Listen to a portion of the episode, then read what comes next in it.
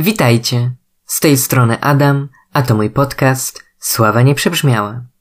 W dniu dzisiejszym chciałbym się z wami podzielić moimi refleksjami na temat wiersza cytowanego już wcześniej przeze mnie Adama Snyka pod tytułem Ja Ciebie kocham.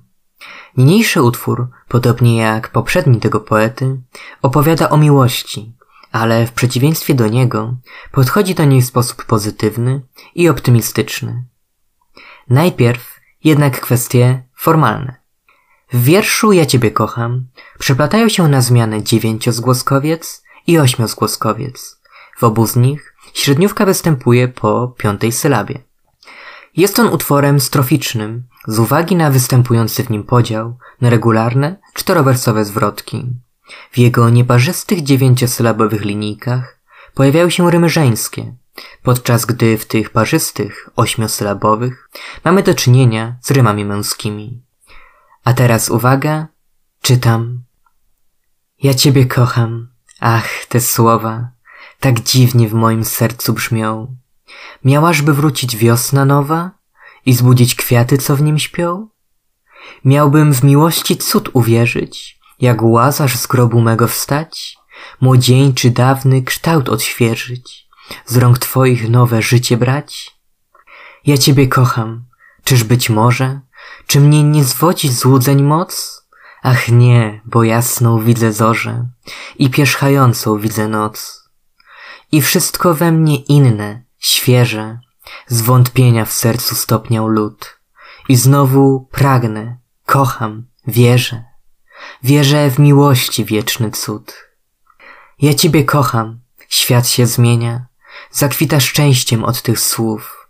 I tak jak w pierwszych dniach stworzenia, przybiera ślubną szatę znów, a dusza skrzydeł znów dostaje. Już jej nie ściga ziemski żal i w elizejskie leci gaje i tonie pośród światła fal. Na początku, mogący być utożsamiany z autorem podmiot liryczny, wyznaje miłość adresatce swojego wiersza. Zauważa on jednocześnie, że mówienie przez niego o tym uczuciu jest dla niego czymś dziwnym, nienaturalnym wręcz, ponieważ, jak możemy się domyślić, doznał on kiedyś sporego zawodu, przez który całkowicie zwątpił w kochanie. Zastanawia się zatem, czy jego miniona namiętność może się jeszcze odrodzić po tym wszystkim, podobnie do zakwitających na powrót wiosennych kwiatów, które przetrzymały zimę. Porównuje on odzyskanie nadziei względem miłości do zmartwychwstania biblijnego Łazarza, a więc uważa je za cud. Sądzi również, że dzięki temu miałby szansę znów poczuć się jak w czasach młodości, czerpiąc dawną energię z ramion obiektu swoich westchnień. Dalej, Asnyk po raz kolejny mówi o swoim kochaniu, wciąż jeszcze zastanawiając się, czy miłość jest dla niego możliwa.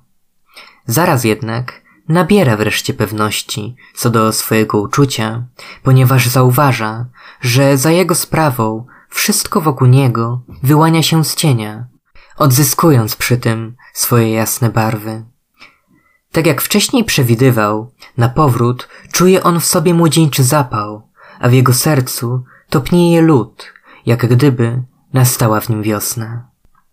Świat odzyskuje dla niego dawny urok. Wydaje mu się nawet, iż w tej chwili został ponownie stworzony i jest tak idealny, jak w pierwotnym boskim założeniu.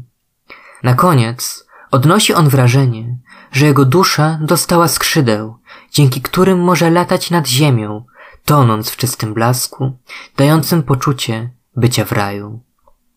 Utwór Ja Ciebie kocham opowiada o odzyskiwaniu po trudnych doświadczeniach nadziei, w tym przypadku oczywiście na miłość. Sądzę jednak, że jest on doskonałym opisem odzyskiwania straconej wiary w cokolwiek. Niech zatem przypomina on nam o tym, że jest to możliwe oraz jak przyjemnym uczuciem jest przestać wątpić we własne szczęście.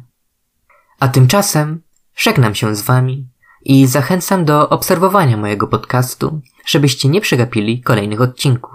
Bądźcie zdrowi i pa pa!